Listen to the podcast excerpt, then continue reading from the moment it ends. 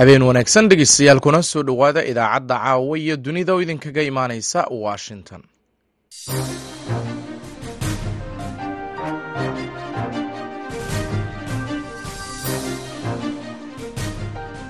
Waa isniin lix iyo labaatanka bisha februaayo sannadka labada kun iyo afar iyo labaatanka.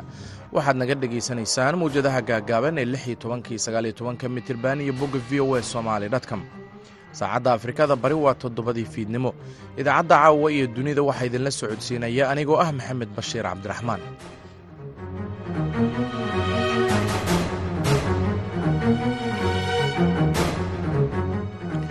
Qodobada dhegaystayaal aad idaacaddeenna ku maqli doontaan waxaa ka mid ah jabuuti oo bilowday xoojinta ammaanka xeebaheeda qalalaasaha badda cas awgeed bilahan u dambeeyey waxaa jira broblem se loog yahayba ka jira badahan inoo dhow iyo badaheenna jaarkaan leenahay sida badda cas gacanka cadan iyo marinka biyoodka baalmadab iyo qaybta xagga ceedhaca ee badda hindiya.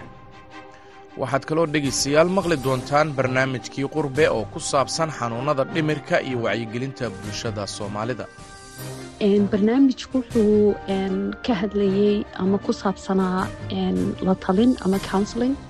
Marka inta badan dadkeennu ma access garayaan counseling. Marka waxaan doonayey inaan la wadaago counselinka iyo faa'iidada laga helayo counseling. Qodobadaasi iyo warbixinno kale ayaan idiin haynaa balse intaasi oo dhan waxaa ka horrayn doona warkii caalamka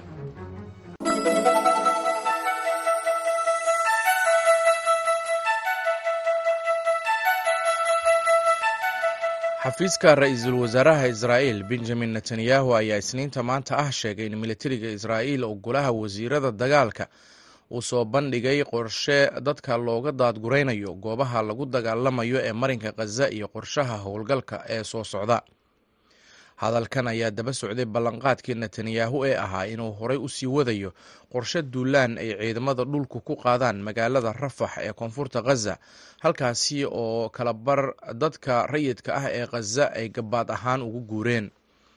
Bayaanka maanta soo baxay ayaan bixin wax tafaasiil ah oo ku saabsan halka ay falastiiniyiintu u guurayaan.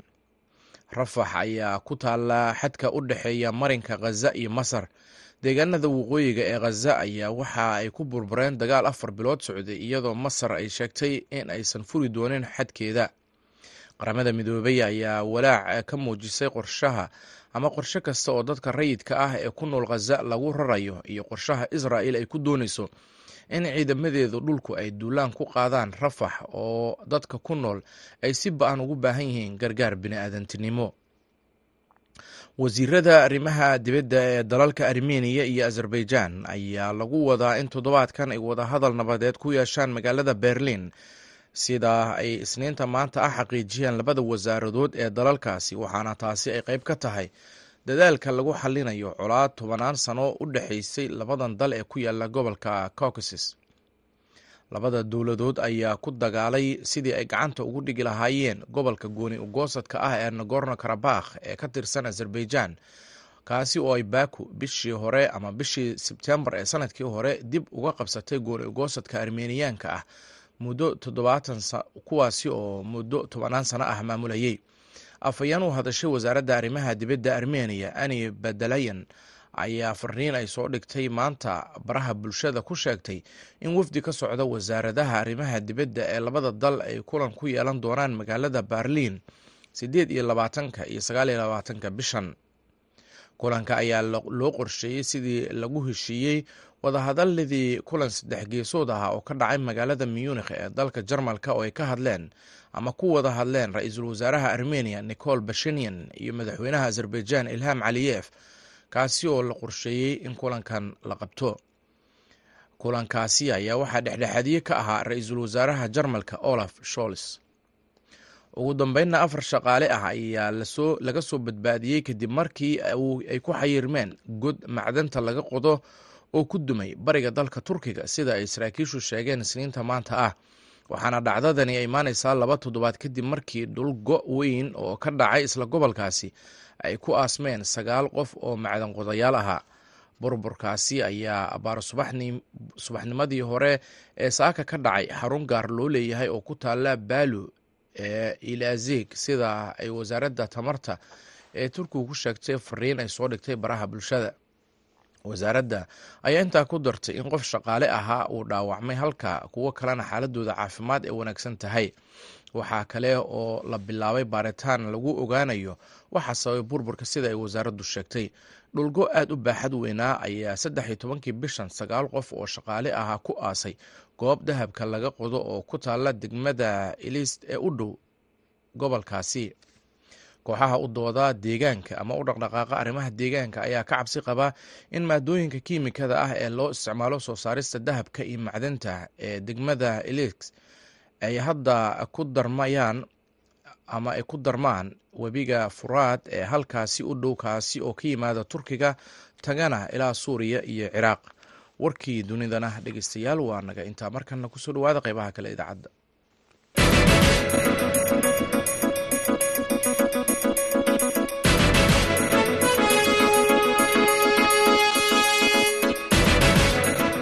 halka dhegeystayaal wararkaasi aad kala socotaan waa laanta afka soomaaliga ee v o a oo si toos idinkaga imaaneysa washington. Dowladda jabuuti ayaa sheegtay inay bilowday maalmahan xoojinta ammaanka xeebaheeda si ay u xasiliso nabadgelyada maraakiibta ku soo xiranaysa dekedaha jabuuti.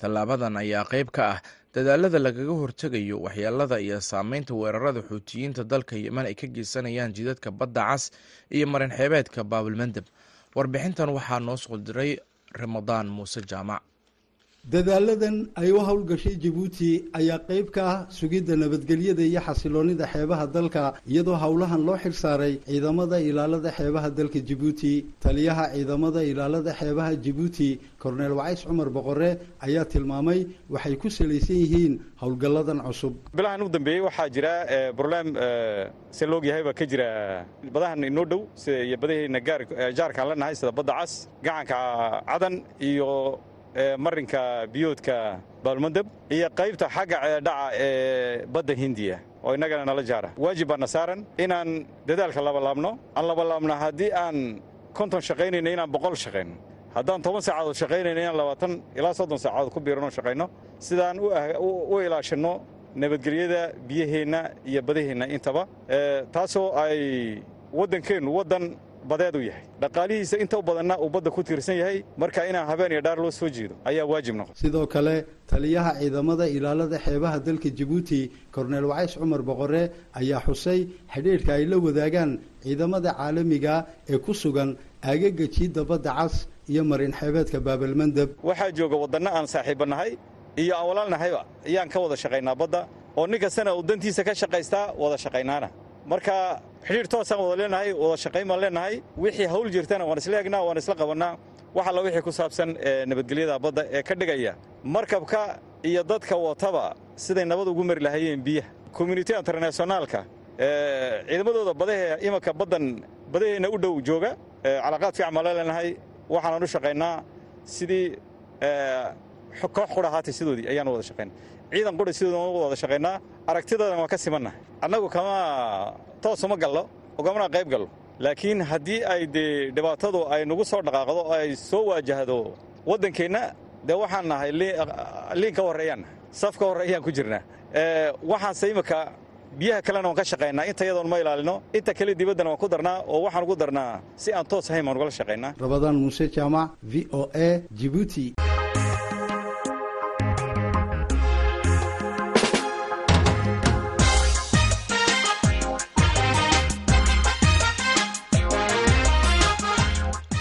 madaxweynaha maamul goboleedka hirshabelle cali cabdulaahi xuseen cali guudlaawe ayaa magaalada jowhar ka dahfuray shirweynaha maamulada gobollada iyo degmooyinka hirshabelle shirkan oo socon doona muddo afar cisho ah ayaa diiradda lagu saari doonaa hanaanka shaqo ee maamulada gobollada hiiraan iyo shabeellaha dhexe iyo hogaanka degmooyinka labadaasi gobol. Sida warbixintan uu ku eegayo wariyaha v o a magaalada beledweyne xuseen xasan dhaqane muddada shirka uu soconayo ka qaybgalayaashu waxay isdhaafsan doonaan qaabka ay u shaqeeyaan waxaanay wadaagi doonaan waayo aragnimada ay u leeyihiin deegaanada ay ka kala socdaan ee hiiraan iyo shabeellaha dhexe. Wasiirka arrimaha gudaha dowlad goboleedka hirshabeelle cabdi daahir guure karoore ayaa waxa uu sheegay in dhowaan maamulka uu qaban doono doorashada golayaasha deegaanka degmooyinka maxaas aadan yabaal bulo burte iyo cadalle ujeedkeenuna waxaa waaye inaan ka hadalno dhulka la xoreeyana maxaa u qabsoomay? Dhulka la xoreey doonana ha loo diyaargaroobo. Madaxdana mataqaanaa ha wada shaqayso xasilinta iyo horumarinta iyo degmooyinka xorta laga dhigana waxa loo qabto. Ujeeddadana waxaa ugu muhiimsan in aan kulankaana noo dhaco oon degmooyinka o dhan isku yimaadiin ka wasaarad ahaanne inaan baraarujin samayno inaan golayaashii deegaanka dhaqaajin rabno. Afarta degmo miiska noo saaranne aan rabno inaan saddexda bilood soo socoto ku soo gabagabayno. Haddana waxaa noo qabsoontay caasimadda dowladda hirshabeelle iyo degmada warshiiq sawir lagu daya doono oo muuqaal fiicanna waa soo bandhigi doona asoo barastatione si ay u ogaadaan guddoomiyaasha degmooyinka xil ku fadhiyo. In asoo xil ku fadhiyan oo doorashada soo geli karo soona bixi karo doorashadana wasaaradda kala shaqay karo si uu u noqdo guddoomiye la doortay oo micno leh oo bulshadu ku qanacsan tahay. Waxaan rabnaa inaan u soconno meesha loo socdona waxay tahay in dadku ay doorasho ku fadhiistaan kuraasta insha allah waxaana miiska noo saaran degmooyinka aadayabaal iyo maxaas iyo cadalo iyo buulo barde insha allah waxaan rajaynaynaa ina bilaha soo socdo shaqadaasoo dhacdo. Muhiimadda shirkana waxay tahay guddoomiyaasha degmooyinkaasu inay ogaadaan habka doorashada u dhacday. Tiimka farsamada ayaa qaban doona maalmaha soo socdo ee brestationkii doorashada ayadoo la codaynaayo ayadoo guddoomiye saacada ka hor cabsanayay intuu soo baxay loo sacbinayo loona doortay si dimuqraadiya ayaa loo soo bandhigi doonaa. Madaxweynaha maamulka hirshabeelle cali guudlaaw ayaa waxa uu sheegay ujeedka shirkan inuu yahay sidii dadka deegaanka loo gaarsiin lahaa marxalad u saamixi karta. Mas'uulka wax maamulayo in cod dadweyne uu ku yimaado. Runtii waxaan rabaa guddoonka la doortay labada degme jowhar iyo warshik hambalyaan leeyahay. Guddoomiyaasha kalena waxaan rabaa hal arrin oo horu dhacdaan rabaa inaan u sheego. Aniga guddoomiye gobolaan halkan ka ahay aas-aaskii hirshabeelle dadkii marka ergada inta lasugu laysugu keenay dadaa i yimid waxay yidhi aniga guddoomiye gobolaad tahay waxaana laga yaabaa birri inaad booskan weyse maad iska dhaaftid waxaan xaad u martigeli xaad sugu dhibtoonaysaa. Bini aadamku ma jeclo ku dhiirashay rabtaa? Waxaa la yidhaha isbeddelka. Anna waxaan idhi ummaddan labadan gobol sidii dalkuba federaal u qaatay inay isku darmaan aniga haddaan kursigayga ku weyhaayana waa iga go-an tahay waana la martigelina waana la isku diraa kuma khasaarinoo madaxweyne ku-xigeenaan ka naqday? Haddana madaxweynaan ka ah idinkana waxaa laga yaabaa guddoonaad ka naqan doontiin heer staydaad gaari doontiin heer gobol iyo heer state meeshaad rabtiin inaad imaan doontiine. Ha lagu dhiirado isbeddelka faa'iido badanaa ku jirte. Faa'iidada ku jirto waxay tahay mid bulsho iyo mid horumareed iyo mid siyaasadeed. Intaba waa ku jirtaa dhammaadka shirka ayaa waxaa la filayaa inay ka soo baxaan qodobo wax ku ool ah oo quseeya nabadda iyo horumarka hirshabeelle xuseen xasan dhaqane v o a beledweyne mahadsanid dhaqane tobannaan ka tirsan dadka barakacayaasha ah ee ku nool magaalada baydhabo ayaa la baray xirfado ay ku shaqaysan karaan si noloshooda ay ugu daberaan warbixintan waxaa magaalada baydhabo ka soo diray mukhtaar maxamed catoosh. Dadka xirfadaha shaqa la baray oo ahaa ilaa lixdan dhalinyaro oo rag iyo dumar isugu jira ayaa laga soo xulay xerooyinka barakacyaasha magaalada baydhabo muddo afar bil ayay hay'adda madfa oo taageero ka helaysay hay'adaha world vision iyo u s aid dadkani baraysay xirfado kala duwan oo ay ku shaqaysan karaan si ay u gaaraan isku filnaasho. Xirfadaha la baray dadkan barakacyaasha waxaa u sii dheer in la siiyey qalabkii ay ku shaqaysan lahaayeen si ay u dabaraan nolosha qoysaskooda. Waxaa la baray xirfado ay ka mid yihiin alxanka makaanikanimo darawalnimo iyo harqaan. Cali warsame wuxa uu ka mid yahay dhalinyarada baratay alxanka wuxuu hadda awoodaa inuu ku shaqeeyo xirfadda la baray. Muddo afar biloode iyo olshifeshinta qalabkaniyo baraasi lataroolka menis i balaasta safayle aan fahayni kolleyta dadkii walna bareen boqolkii boqol ma hasanyin marka alaabtana aanu samayni musqulo hortiyo galabkii laka isticmaalayo aanu samayni marka ma hasantin araan sukurey ibraahim muumin waxay iyaduna ka mid tahay haweenka bartay farshaxanka iyo tolista dharka waxay sheegtay inay rajo wanaagsan ka qabto xirfadda la baray inay ku shaqaysan karto.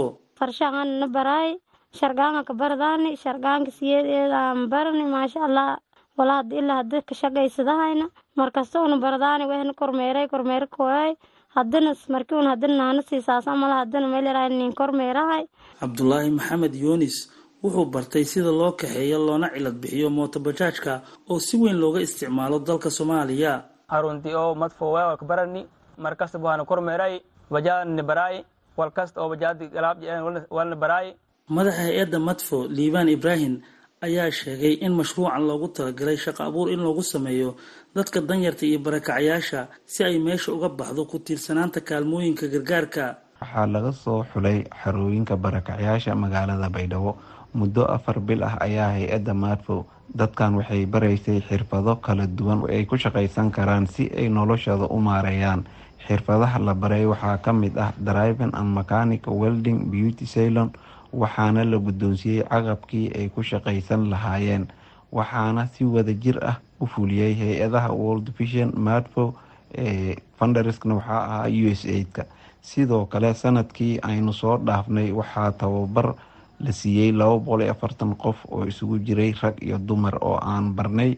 Mechanic driving beauty ceylon taylor ayaan barnay. Marka sidaas daraadeed sannadkii hore waa lagu guuleystay. Barnaamijkii waa dadkii sannadkii hore ay ka baxeen. Xaruntan way shaqaysanayaan.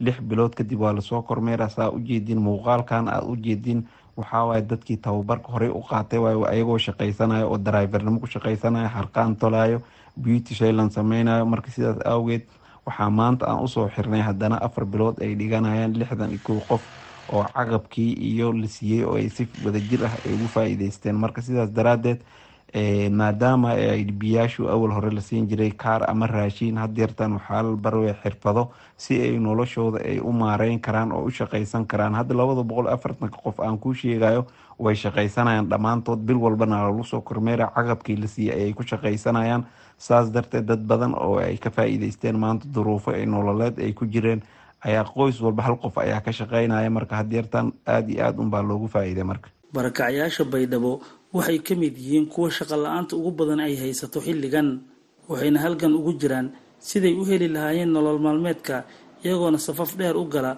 mucaawinooyinka xilliyada qaar hay'adaha samafalka ay bixiyaan taasi beddelkeeda waxa ay doorbidayaan in la baro xirfado ay ku shaqaysan karaan oo gacan hoorsiga ay uga maarmi karaan. Mukhtaar maxamed catoosh v o a baydhabo. Mahadsanid catoosh weli dhegeystayaal waxaad nagala socotaan laanta afka soomaaliga ee v o a oo si toos idinkaga imaaneysa washington fiidnimo wanaagsan war kale. Xildhibaan ka mid ahaa xubnihii ugu horeeyey ee golaha guurtida ee somalilan ayaa lagu aasay maanta magaalada boorama xildhibaan suleex madar xoosh wuxuu ka mid ahaa odayaashii ka qayb qaatay nabadeynta gobollada somalilan markii ay burburtay dowladdii dhexe ee soomaaliya sannadkii kii. Warbixintan waxaa noo soo diray haashim sheekh cumar good allaha u naxariistay waxaa maanta lagu aasay magaalada boorame ee gobolka awdal xildhibaan suleex madar xoosh oo ka mid ahaa xubnihii ugu horreeyey ee lagu aasaasay golaha guurtida somalilan. Shirkii lagu yegleelayay dowladnimada somalilan sannadkii kun iyo sagaal boqol iyo saddex iyo sagaashankii.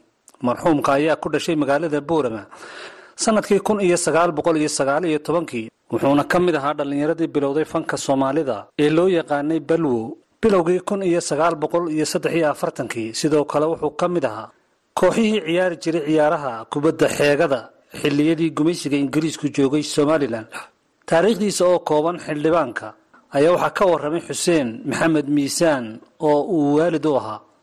Kulli nafs qatilmowt maalin walba naftu waa dhiman doontaa waanu ku xukumanahay maanta waxaa naga baxday maktab ama buug weyn ama daftar weyn oo arkiifiya alla u naxariistay xildhibaan. Xuseen madar xoosh oo ku magac dheer suleex oo odayaasha tiirasha somalilan ama soomaaliyeed aad looga aqaano taariikh badan ku lahaa runaantii aniga suleex wuxuu ii sheegay adeerkaybuu ahaa waalidkaygibuu ahaa.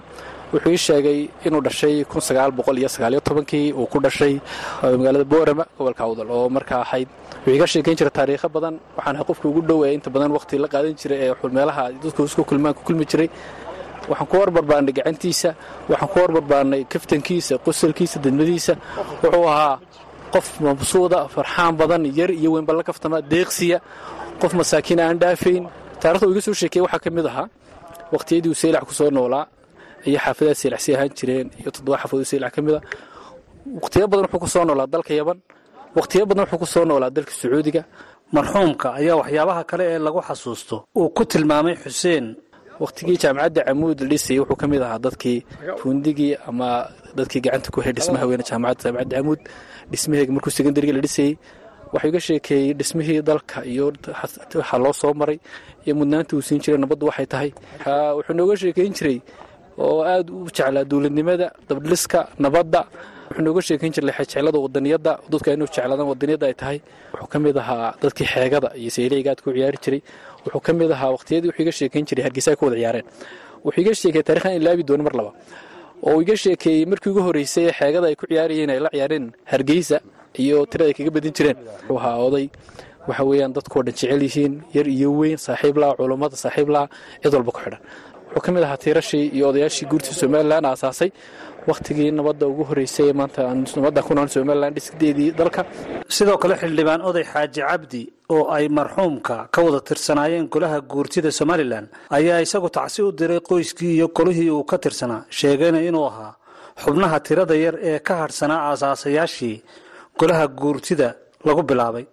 Inaa lilah wainaa ilayhi raajicuun. Inaa lilah wainaa ilayhi raajicuun. Ilaa lilah wainaa ilayhi raajicuun. Maanta waxaanu joognaa tacsidii sulix madal xoosh. Wuxuu ahaa nin qaali ku dalkan iyo dadkan. Wuxuu ahaa raggii guurtida somalilan lagu sameeyey raggii boorama saldhigga iyadoo isaa u lulmanaysa cagaa u dhigay ayuu ka mid ahaa. Guurtidii sheekh ibraahim sheekh yuusuf ka mid ahaa. Xaji cabdi xuseen ka mid ahaa sheekh muuse goodaad ka mid ahaa sheekh cabdilaahi sheekh aljawhar ka mid ahaa xaaji axmed miisaan ka mid ahaa cabdiraxmaan cileeye ka mid ahaa raggaasay ahaayeen raggaasi rag taariikhda lagu ilaawi karo ninka garanaya ma aha. Waxaan leeyahay raggaasi raggii somalilan tiba ku tabcay ummaddaas nin weliba qorigiisa sito nin weliba qofba qof dilayo raggii qoryaha naga dhigay ee miyirsada nayidee tooda la raacay buu ahaa xoogna lagagama dhigin kulligayo caqlaadna lagaga dhigay ilaahay caqligaah noo soo celiyaan leeyahay ninkii garanayowna raggaa xasuuso wanaag waxaa xabaalahooda loogu ururayaa ee markhaatiga loogu yahy waa wanaag. Waxaan leeyahay waa taariikh dheer ayuu sulux madal leedahay.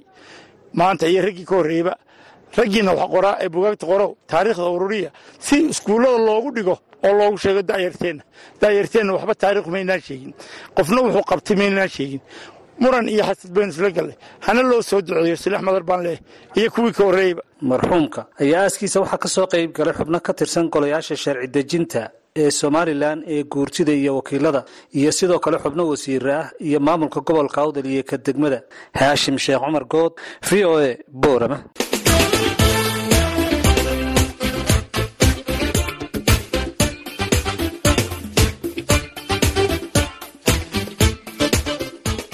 dalka aljeeriya ayaa xaddii shalay waxaa xarigga ah uu ka jaray masaajidka ugu weyn ee qaaradda afrika oo ku yaalla xeebta mediteraneanka kadib sannado badan oo carqalado siyaasadeed ay u rogeen mashruucan inuu dib u dhaco iyo inuu kharash fara badan uu ku baxo.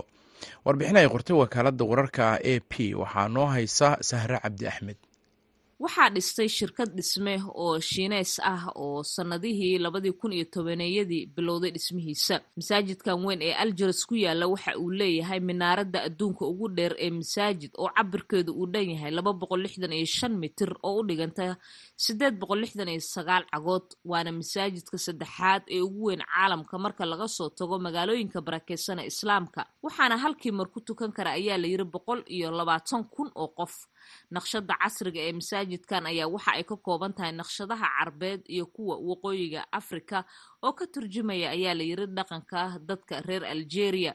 Waxaa masaajidkan korkiisa uu leeyahay ayaa la yiri barxad ay ku degi karto diyaaradaha helicopteriska waxaana sidoo kaleeto uu leeyahay maktabad keedin karta ilaa iyo hal milyan oo bugaaga xafladda xarika jarista masaajidkan ayaa waxaa muslimiintu ay ku hagi doontaa ayaa la wanaagga iyo dhexdhexaadnimada. Sidaasina waxaa sheegay cali maxamed salaabi oo ah xogayaha guud ee midooda culimmada adduunka islaamka faahfaahinta astaanta dhexdhexaadka ee islaamka ayaa ahayd ayaa la yiri wax muhiim u ah algeria tan iyo markii ciidamada dowladdu ay jebiyeen jabhaddii islaamiyiinta ay hogaaminayeen sannadihii kun iyo sagaal boqol sagaashamaadkii markii dagaalkii sokeeye ee dhiiga badani uu ku daatay uu dalkaasi ka dhacay. Madaxweynaha algeria cabdulmajiid tobano ayaa waxa uu furay masaajidkan isaga oo sidoo kaleeta ka dhabeeyay ballanqaadkii ahaa inuu si wanaagsan oo xaalad wanaagsana uu ku furi doono masjidka munaasabada ayaa inta badan ahayd munaasabad iyo xaflad furitaan ah masaajidku waxa uu u furan yahay ayaa la yiri dalxiisayaasha caalamiga ah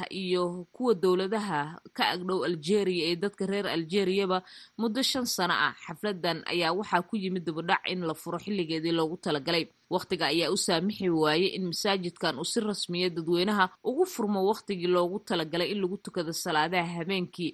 Hase yeeshee bisha soo socota ee rabadaan ee maarso ayaa si rasmiya masaajidkan uu ugu furan yahay cibaadada marka laga soo tago cabirkiisa quruxda badan masaajidkan ayaa sidoo kaleeto caan waxa uu ku yahay dibadhacyada iyo muranada ka dhashay toddobadii sane dhismihiisa uu socday oo ay ku jiraan doorashada goobta laga dhigaya taasi oo khubaradu ay ka digayeen inay tahay khatarta ugu halista badan. Dowladuse waa ay beenisay war-saxaafadeedkeedii axaddii lagu daabacay wargeyska dowladdu ay maamusho ee a p s ee halkaasi ka soo baxa intii lagu jiray dibudhaca iyo qarashaadka dheeraadka ah ee masaajidkaasi mashruucii ku baxayay uma uusan joogsanin carada dadka reer algeria ayada oo qaar badan oo ka mida dadka ay sheegeen inay ka doorbidi lahaayeen in afar isbitaal oo kala gedisan dalka looga dhiso halka masaajidkaasi laga dhisay. Qarashka rasmiga ee masaajidkaasi ku baxay ayaa lagu sheegay inay dhan tahay sideed boqol sagaashan iyo sideed milyan oo dollar. Masaajidkan ayaa markii hore ahaa mashruuc uu lahaa madaxweynihii hore ee dalkaasi ka arrimin jiray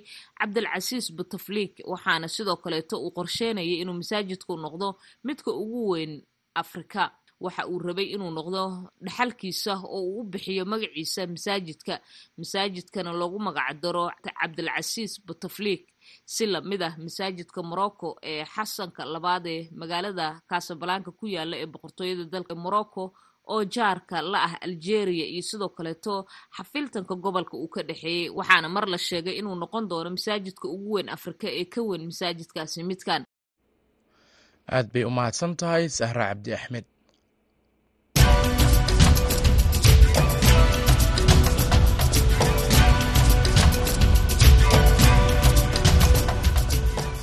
xafiiska ra'iisul wasaaraha israa'il benyamin netanyahu ayaa sheegay isniinta maanta ah in militariga dalkaasi ay golaha wasiirada ee dagaalka soo hordhigeen qorshe ay dadweynaha uga daadgureynayaan goobaha dagaalka ee marinka khaza iyo weliba qorshaha xiga ee dagaalka.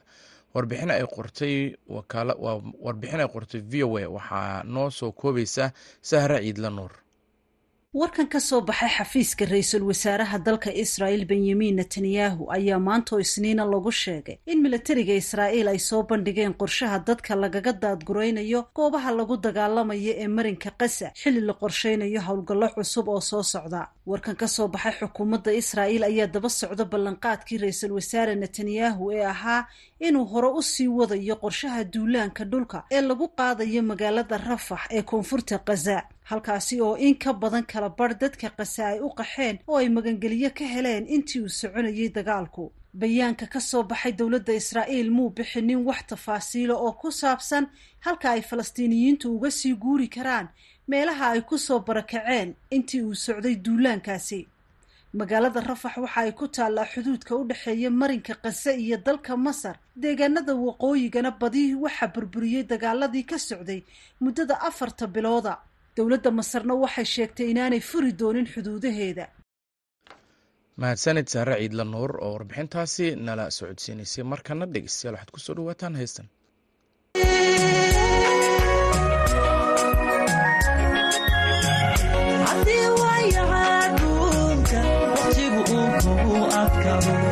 oo aad saaxiib wanaagsan walaal ku xasuusta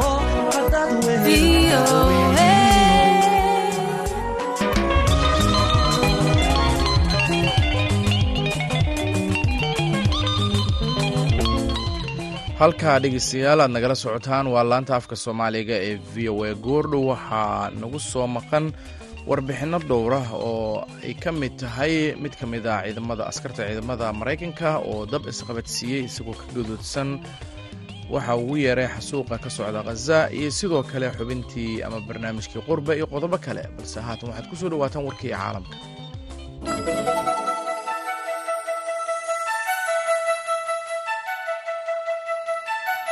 Xafiiska ra'iisul wasaaraha israa'iil benjamin netanyahu ayaa isniinta maanta ah sheegay in militariga israa'iil oo golaha wasiirada dagaalka uu soo gudbiyey qorshe la xiriira daadgurayn ta dadka goobaha looga daadguraynayo marinka khaza iyo sidoo kale qorshaha howlgalka soo socda ee rafax hadalkan ayaa daba socday ballanqaadkii netanyahu ee ahaa inuu horey u sii wadayo qorshe duulaan ah oo ciidamada dhulka ee israa'iil ay ku qaadayaan magaalada rafax ee koonfurta khaza halkaasi oo inka badan kala bar dadka rayidka ah ee khaza ay gabaad ahaan ugu guureen wasiirada arrimaha dibadda ee dalalka armeniya iyo azerbaijan ayaa lagu wadaa in toddobaadkan ay wadahadal nabadeed ku yeeshaan magaalada barliin ee dalka jarmalka iyadoo isniinta maanta ah ay xaqiijiyeen labada wasaaradood ee arrimaha dibadda ee dalalkaasi.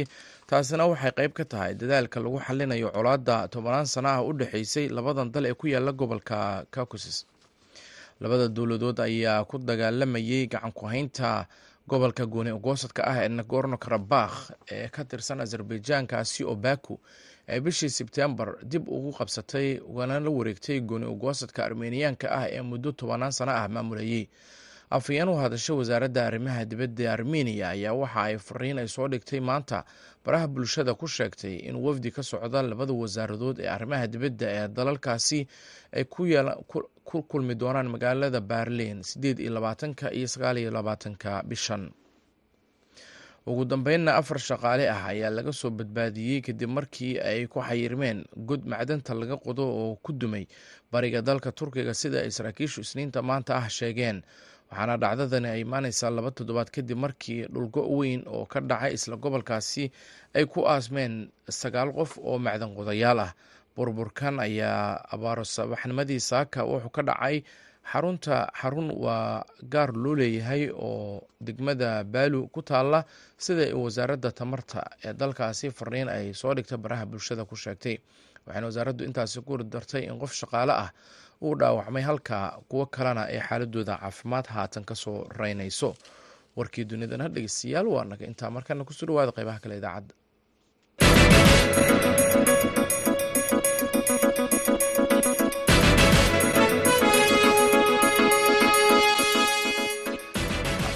dhegeystayaal waxaad nagala socotaan laanta afka soomaaliga ee v o a oo si toosa idinkaga imaaneysa washington markana haddii aan idiin maqadno qeybaha kale idaacadda mid ka mid ah ciidamada maraykanka ayaa dab isqabadsiiyey isagoo ku sugan afaafka hore ee safaaradda israa'iil ee magaalada tan washington d c kalabnimadii shalay. Sidaasina waxaa sheegay mas'uuliyiinta falkan oo u muuqday mid uu uga soo horjeedo dagaalka khaza ayaa warbixin arrintaasi ay ka qortay wakaaladda wararka ee reuters waxaa noo soo koobaya jamaal axmed cismaan. Ninkan ayaa loo qaaday cisbitaal ku yaalla aagga uu dabka isku qabadsiiyey kadib markii ay dabka ka damiyeen ciidamada ammaanka sida internetka soo dhigeen waxda dabdamiska ee magaalada washington d c. Ninkan ayaa weli ku jira xaalad halis ah sida uu sheegay afhayeen u hadlay waxda boliiska magaalada afhayeen u hadlay ciidamada cirka ayaa sheegay in dhacdadaasi uu ku lug lahaa duuliyo aan howlgab weli noqon. Ma sii ahaan doono mid ku lug yeesha xasuuq ayuu yidhi ninkan oo xirnaa dharka militariga oo muuqaal si toos ah uu u soo dhigay internetka sida ay sheegtay wargeyska new york times. Kadibna waxa uu isku shubay dareero saafiya oo waa uu isgubay isagoo oo ku qaylinaya falastiin ah sida ay qortay jariirada the times. Boliiska deegaanka iyo ciidanka sirdoonka ayaa baaraya dhacdada. Safaradda israel ayaa bartilmaameed u noqotay dibadbaaxyo joogta oo laga soo horjeedo dagaalka gaza. Dagaalka khaza ayaa horseeday dibadbaxyo taageersan falastiiniyiinta iyo kuwo kale oo taageersan israel oo ka dhacay maraykanka mudaharaadyada ayaa bilowday kadib toddobadii oktoobar markii xamaas oo maamusho khaza ay dileen kun laba boqol oo israa'iiliyiina islamar ahaantaasina ay qabsadeen laba boqol iyo konton iyo saddex qof oo la haystayaal ah. Kadib weerar ka dhacay xadka tan iyo markaasi ciidamada israel ayaa waday ololo militari oo xoogan kuwaas oo la sheegay in lagu dilay soddon kun oo qof. Sida ay sheegeen saraakiisha caafimaadka ee filistiiniyiinta bishii disembar qof mudaharaadayay ayaa isku gubay bannaanka qunsuliyadda israel ee atlanta mahadsaned jamaal axmed cismaan markana dhegeystayaal waxaad ku soo dhowaataan barnaamijka qurbe. Waxaa soo diyaariyey soona jeedinaya xuseen nuur xaaji.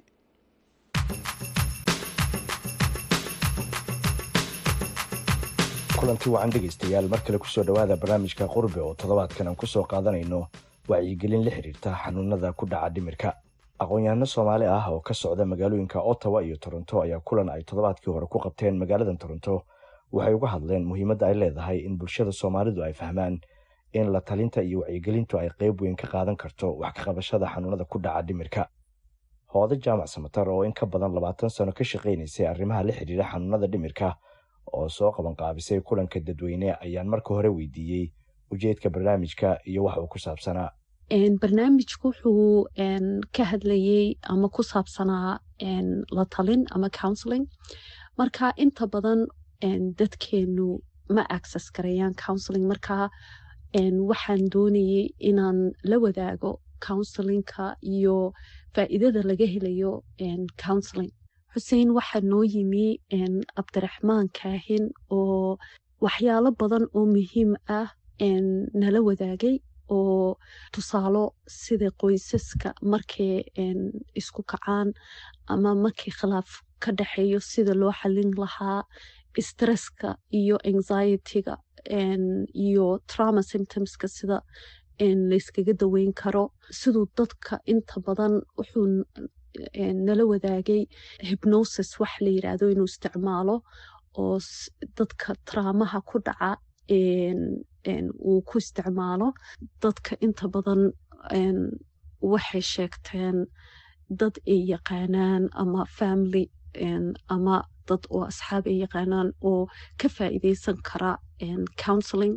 Marka dadku aad bay ugu faraxsanayeen inay heleen qof maxay oo la hadli karaan ama oo tala siin kara. Markay noqoto caafimaadka dimirka siday iskaga daweyn lahaayeen. Qobarada lagu martiqaaday kulanka ee la hadlay bulshada waxaa ka mid ahaa dhaktar cabdiraxmaan kaahin oo degan magaalada ottawa wuxuu iiga warramay faa'iidada barnaamijyadan oo kale uu leeyahay soomaalida.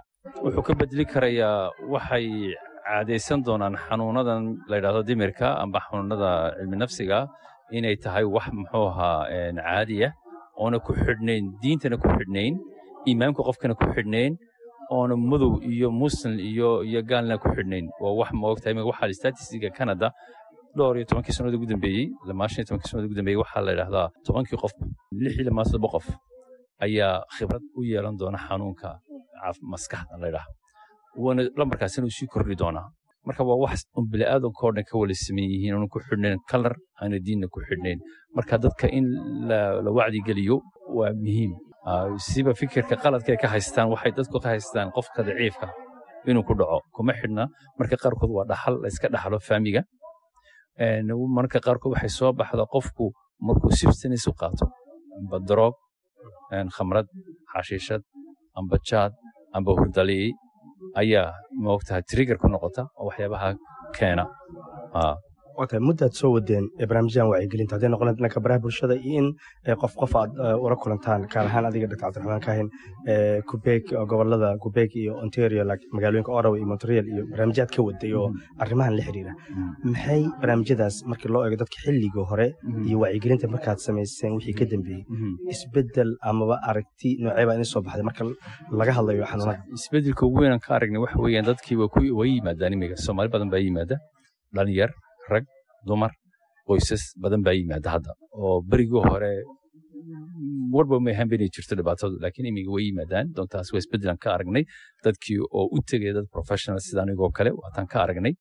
Intan dambe muddo laba bil iyo laba bilood ku dhowna waxaan ku jiraa tiktok aan soo galay oo laga soo casumadeeyey taasina waxay furtay albaab weyn oo fara badan waayo dad badan waxaa jira tiktoka ku jira oo dhibaatooyinkooga ka hadla oo weliba si furan uga hadla marka haddaba qolol baa jira anigaan ku kalsoonahay oo ay soo casumadeeyaan oo si ixtiraan leh qololkaasi dad badan baa iga soo raaca. Wixii xagga ku saabsan waan ka bixiyaa wixii tala. Wixii kale private u baahan waxaan ku rahda lambar private igala soo xidhiidha marka dad baa igala soo xidhiidha maraykanka dad baa igala soo xidhiidha kenya jabuuti dibadahaasoo dhan yurubta oo su'aalooyina weydiiya. Waa tahay waxay ga warantaa bal daraagiskii laftiisu inuu qayb ka qaato xanuunadan dhimirkaad ka dhawaajisay. Waxaa jirta dadka qaar inay rumaysan yihiin in dhallinyaradan isdilaya laftoodu ay xanuunada dhimirka xiriir leeyihiin. Adiga khabiir ahaan arrimahaas maxaad ka dhigi kartaa? Wuu ka qaataa. Meel qayb weyn buu ka qaataa. Horta dhallinyarta waxaa la idhaahdaa ilaa shan iyo labaatan jir intay gaadhayaan maskaxdoodu ay iskobciso ma joogsato. Shan iyo labaatan wixii ka dambeeyay joogsataa. Marka ilmihii shan iyo labaatan jir ka yar jir ka yar hadduu droga isticmaalo maskaxdiisu wax yeelaya. Marka taasi waa waxa iska cad weeyaan oo la garanayo. Shan iyo labaatan hadduu qaato xashiishada hadduu qaato khamri hadduu qaato wixii droga maandooriya labaatan ka yar khatar buu weyn buu ku yahay. Haddii uu qaato uu soddon jir afartan jir yahayna oo laakiin dhiiggiisa ay ku jirto xanuunadan cilmi nafsiga ee la yidhaahdo skizofrenia skizofrenia waa xanuunada dadku ay wax arkaan amba codod maqlaan.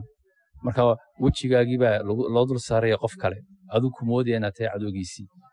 Ku geysanay ku dilaya hooyadii buu dili karaa marka taasi waxay soo baxdaa haddaba qofku da doona ha noqdo.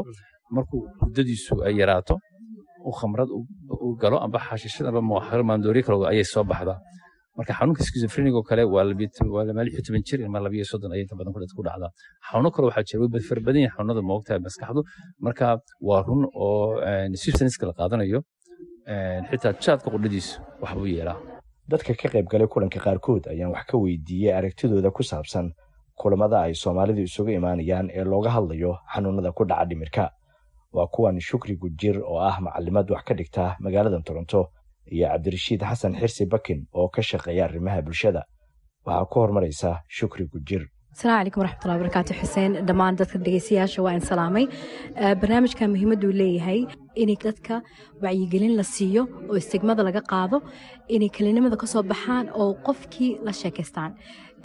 Counseling ina la siiyo advice ina la siiyo talo meesha marka hadda anaga waxaa iskugu imaanay dad wax bartay professional ah social workers psychotherapist iyo dad barayo meesha caawinaad laga heli karo. Qofka inuu keligiisa ku ekeen arinta inuu keligiis depression isgelin subxaan allah weliba soomaali haddaan nahay ani waxaa aaminsanahay dad waxaan nahay jecel bulshada dhaqankeenii soomaaliyeed. Ilaahay wuxuu noo sameeyey dad hadal badan. Aniga naftirkeyga marmar waxaa leedahay qofkaas. Maxaa soo riixi hadal baa riixi marka hadalka yaana isugu celin hala soo baxo la sheekaysa dadka. Waxa ugu yar aa sameyn karteed as advice ahaan aniga maclimad ba ahay waxaa arkay iska daa dadkii waaweynaa caruurtii yaryaraa bay waxaan saameysay bulshadu runta waxay ka faa'iidi karaan ummadda soomaaliyeed. Annaga haddaan nahay dad muslimaan nahay waa inaan horta diinteenna aan aaminaa kuna aaminaa wax ilaahay keenaba alxamdulilah rabbilcaalamiin marka bulshadu waxay ka faa'iidaysaa wacyigelinta. Wacyigelintu waa wax very important. Soomaalida waxay tirahda wax waxa ku siiya laakiin wax waxa kuu sheega lama helo marka runtii waxaan aad uga faa'iidaynaa macnaha waxaa sida runtii markuu qofka xanuunku hayo markuu ku soo bilaabanayo markuu kan ku dhaco sida loola tacaalayo ayay gabadhan soomaaliyeed iyo dadkii noogu yartaba ayay ummadda soomaaliyeed ka faa'iidaysaa marka runtii waa wacyigelin aad loogu baahan yahay ummaddan u baahan tahay ummadda soomaaliyeedna aan jeclaanahaa inay wada yimaadaan ama ay dhegaystaan ama ay la socdaan arrimahan. Hoode jaamac samatar ayaa tilmaantay inay sii wadi doonaan barnaamijyadan oo kale si bulshada soomaalida loo fahansiiyo muhiimadda ay leedahay ka hadalka xanuunada ku dhaca dhimirka.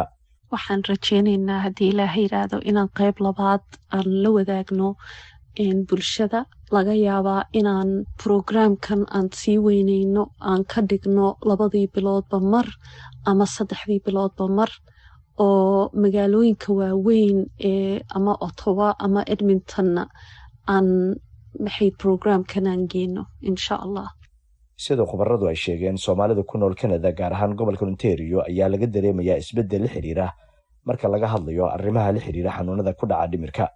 Dr cabdiraxmaan kaahin ayaan ugu dambeyn weydiiyey waxa u jeedin lahaa soomaalida. Waxaan u jeedin lahaa bulshada soomaalida haddii waxay ku yimaadaan dhibaato inay u tagaan dad professional oo diintoodana garanaya dhaqankoogana garanaya way jiraan maanta rag iyo dumar sida inanta xalkan maanta hodan oo kale ayaa ka mid a aniga inan kale magaala bare baa joogtay magaa xalkan la joog. Marka dadka professionalka amba soomaali ama muslim dhaqankaaga garanaya inaad u tegtid midda kale haddii nafta qof ay khatar ee ku jirto unbaan la sheegi karaa.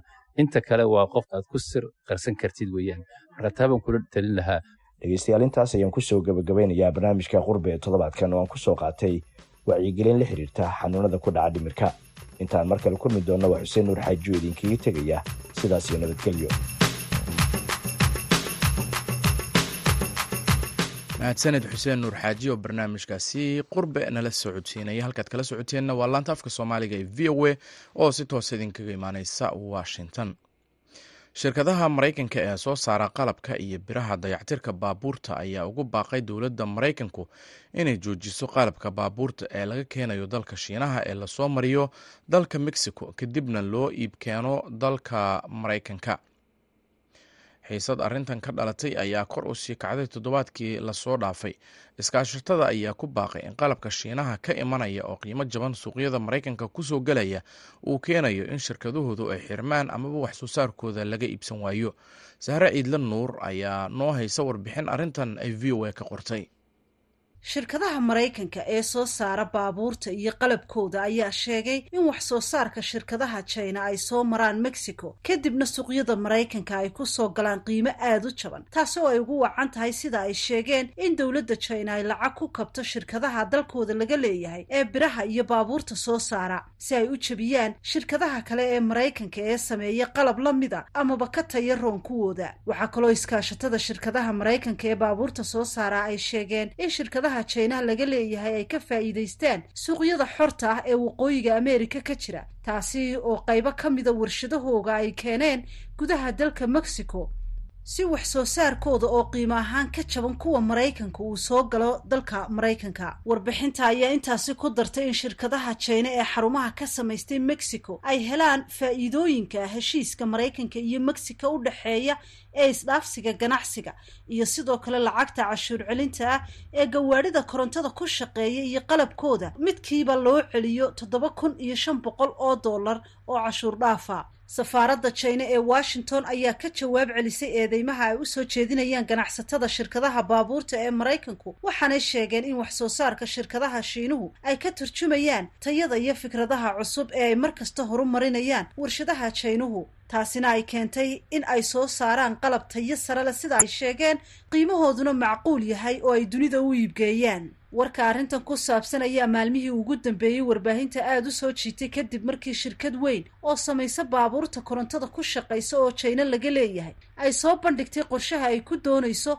in warshad samaysa baabuurta korontada sida kuwa loo yaqaano tesla oo qiimahoodu aada uga jaban yahay kuwa kale ay ka dhisayaan waqooyiga dalka mexico mas'uuliyiinta shirkadda tesla ayaa iyaguna sanad ka hor shaaca ka qaaday in warshad baabuurtooda soo saarta ay ka dhisayaan magaalada leon ee dalka mexico. Bishii oktoobar ee sannadkii tegeyna waxay sidoo kale shirkadda tesla sheegtay in shirkado jiniis ahi ay hal bilyan oo dollar ku dhowaad ay ku maalgelinayaan mashruucooda dhismaha warshadda baabuurta ee mexico laga hirgelinayo qaar ka mida mas'uuliyiinta dalka mexico ayaa iyaguna ku doodaya in maalgelinta shisheeye ee dalkooda ay faa'iido badan u keenayso dadka reer mexico. Mudanayaal labada xisbi ka soo kala jeeda oo ka tirsan sharci dejinta maraykanka ayaa xukuumadda madaxweyne biden ku cadaadinaya in baadhitaan lagu sameeyo baabuurta jaynaha ee ka soo gelaya dhinaca mexico.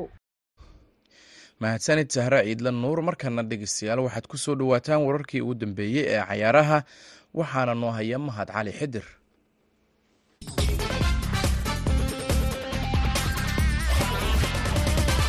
kulanti wacan oo wanaagsan dhegaystayaal ku soo dhowaada barnaamijka faaqidaada ciyaaraha toddobaadka v o a oo ah laba idinkaga yimaada magaalada muqdisho. Maantana barnaamijkeenan waxaanu diiradda ku saari doonaa dhammaan kulamadii laga ciyaaray horyaalada kala duwan ee qaaradda yurub sida premier leaga sir-ada talyaaniga laligaha sbain iyo bundusligaha dalka jarmalka. Waxaana galabta barnaamijka marti igu ah oo ila falanqeynaya fos cusmaan aweys fos manchester oo ka mid ah taageerayaasha waaweyn ee kooxda kubadda cagta ee man united xuseen maxamed hadaafo hadafow oo ka mid ah wariyaasha ciyaaraha wax ka qora ee jooga muqdisho iyo axmenuur cabdi xaashi oo isna ka mid ah saxafiyiinta ciyaaraha wax ka qora kana howlgala idaacadda ciyaaraha gool ee magaalada muqdisho. Dhammaantiinba ku soo dhowaada barnaamijka faaqidaada ciyaaraha toddobaadka v o a waxaana su'aasha ugu horreysa ku bilaabay xuseen maxamed hadaafow oo aan wax ka weydiiyey kulamada laga ciyaaray toddobaadkan horyaalka xiisaha badan ee premier leaga mahado si wanaagsan ciyaarahan horyaalka ingiriiska waa ciyaaraha hadda ugu xiisaha badan marka horyaalada la feeliyo aad la isugu dhow yahay oo aan la kala fogeyn waa horyaalka dalka ingiriiska. Manchester city oo rabta inay record dhigto. Liverpool oo rabta inay soo qabato. Manchester united oo labaatan koob la soo silmato. Clob oo raba in kooxdiisa sagootin wanaagsan uu sameeyo. Arsenal oo rabta in ay abaarta labaatanka sana ka baxdo. Taariikhaha arsenal marka la fiiriyana sidai hadda ay ku socoto iyo sida liverpool ay ku socotaana goolasha ay ku badinayaan. Manchester city waxay baratay inay kooxaha ku ilaashato marka natiijada dhibcaha laga soo tago inay goolasha kula dagaalanto. Sanadkan iyada ayaa lagula dagaalamaya. Liverpool iyo arsenal hadda xag goolasha min faraq hal gool u dhexeeya. City xag goolasha waa laga wanaagsan yahay laakiin dhibcaha lagama foga. Masaafada dhibcaha ayaan laga fogeyn. Marka waxaa u malaysaa in arsenal sanadkan sidai ku socota ay tahay inay doonayso in taariikh kale oo madow ay hesho. Horyaalka qaaday ingiriiska sano iyo koob la'aan joogtay. Ayay qaaday sano iyo koob la'aan joogtay ayay koob qaaday markan waa ka fogaato labaatan sano ayay gaartay marka in tirada labaatan sano ay ka fogaato ayay diidan tahay horyaalkii quruxda badnaa ee guul iyo barbara ah horyaalkaasi quruxda badnaa wuxuu u noqday horyaal mugdi oo kadib ay koob qaadi horyaalka. Marka waa horyaalka ugu adag xagga marka la fiiriyo xiisihiisana toddobaad ka dambeeya uu sii adkaanayo aad amaadsantahay hadaafow fosadow mar kale waxaa la ciyaaray kulankii weynaa ee u dhexeeyey kooxaha chelsea iyo liverpool. Koobka carabol kaabka ama koobka carna kaabka finaalkiisii ayaa lagu ciyaaray garoonka wembley. Bal ciyaartaas ka huran iyo waxaabihii laga yiri aadaa u mahadsantahay walaalkee ciyaartii weyneed ee xalay dhacday. Ciyaar ciyaar dhaaftaan daawanay. Ciyaar laba koox oo waaweyn ayaan daawanay fiinaal aan ku raaxaysanay ayaan daawanay. Laakiin aniga waxaan dhihi karaa chelsea ceeb ayay garoonka kala baxday taasoo ah liverpoolshaan sidaan ah oo intaan xidig ka maqan oo haddana labadii xidig ee ugu magaca weynaa ee garoonka ugu jiran kaloob intuu siibay ilmo yaryar oo toban iyo toddoba jirayaal ee intuu garoonka ku soo shubay. Chelseadii labada bilyan ku fadhiday ilmahaas inay ka badin weysay oo ilmahaas oo kaloob oo ku qaaday koobka. Kaloob waa u qalmaa koob inuu qaado kaloob waa u qalmaa afarta koob oo u tartamaya sanadkan in gacanta laga saaro. Waa tababaro u qalma sanadkan tababaraha ugu wanaagsan premier leaguana asaa siin lahaa.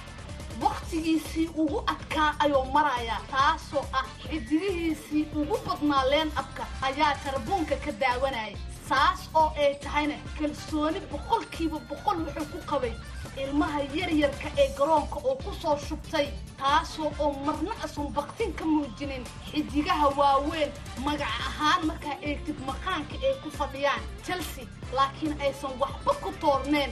Chelsea ciyaartu waa ay dili kareen kaambida hore iyo kaambida dambaba.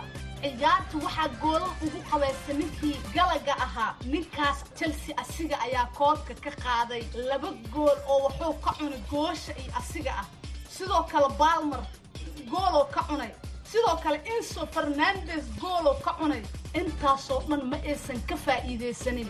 Waa mahadsantahay axmed cabdi xaashi man united kooxdii ahayd garoonkeeda old trafforda baallaha looga rifay fulhama ka badisay. Bal ciyaartaas ka waran iyo ciyaarihii kaleo la ciyaaray sida kooxda kubadda cagta city oo kale oo iyadana badisay.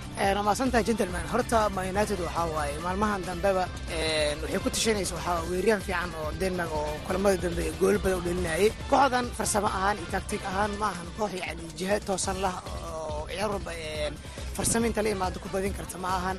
Ciyaartooy oo tayo badan yani ma joogaan ciyaartooy daalan oo odayaal waxbaa iska joogo. Marka xalay garoonkooda lagu qabtay waa la garaacay. Weliba fulham oo ciyaartooyka waxaa waaweyn ka imaaday ama ciyaartooy soo daalay.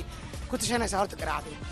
Waxaan ahayd toddoba iyo toban sana ka soo wareegtay in fulham ay ku bayso old trafford. Marka ma united horta loolanka awalba yurub league ay ahayd meesha hadafka uu eegsanayo hadday boosas champions league imaadaanna waa guule u tahay marka ma united waxaa waaye champions league ama boos fiican horta inay geli doonto uma badna. City way badisay laakiin badiska ay badisay kan iyo kulankii ka horreeyeyba laba guuloo nafla caari aad oo hal gool ay ku badisay iyadoo weliba ciriir la gelinayo la waabinayo oo gool lagu sigaayo.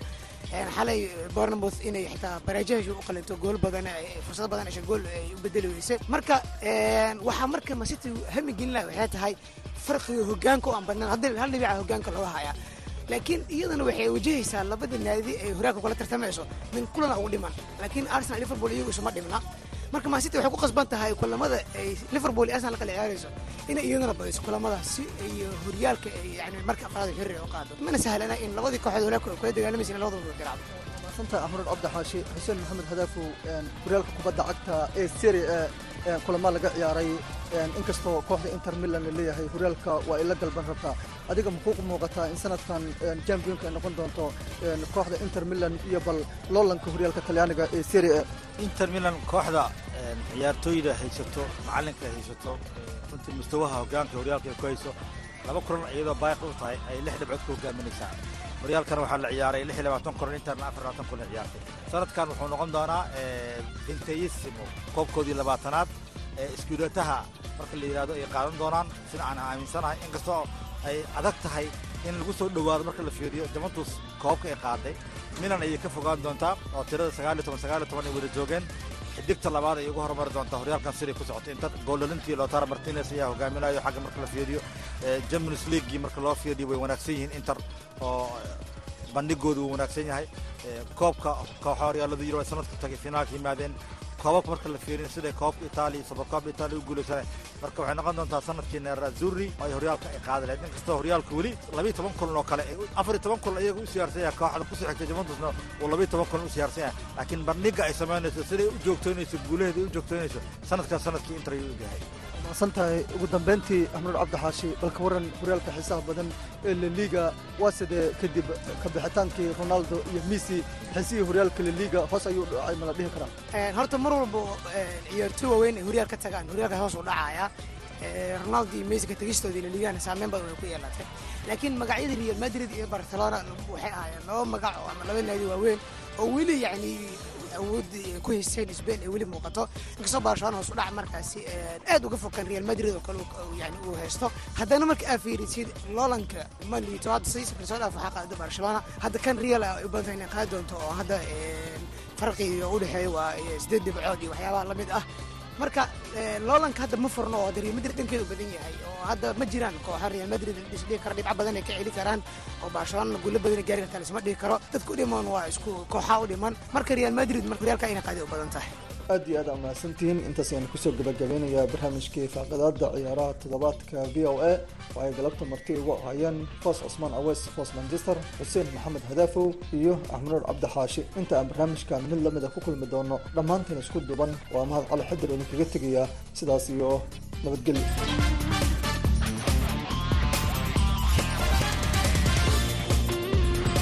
mahadsanid mahad cali xidir oo nala socodsiinayay xubintaasi cayaaraha toddobaadka markana dhegeystayaal waxaan ku nasanaynaa heystan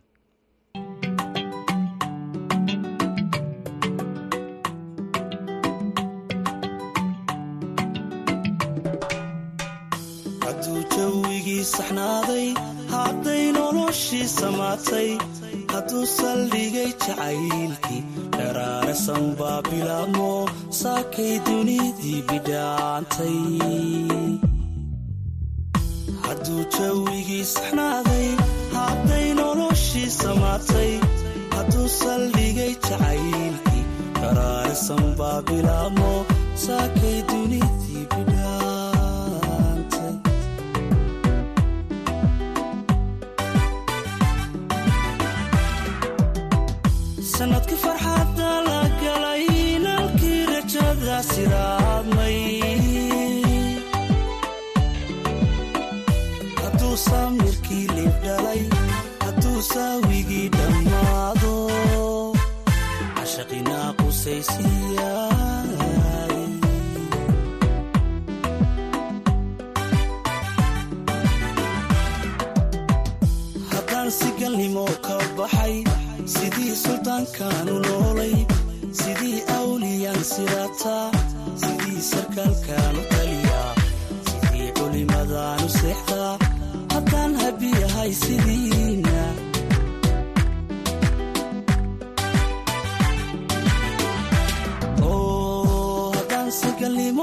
baxay sidii suldaankaanu noolay sidii awliyan siraataa intaasina dhegeystayaal waxaa ku eg barnaamijkii ama idaacaddii caaway dunida oo si toos idinkaga imaanaysay laanta afka soomaaliga ee v o a tan iyo kulanti dambe waxaan idin leenahay nabadgelyo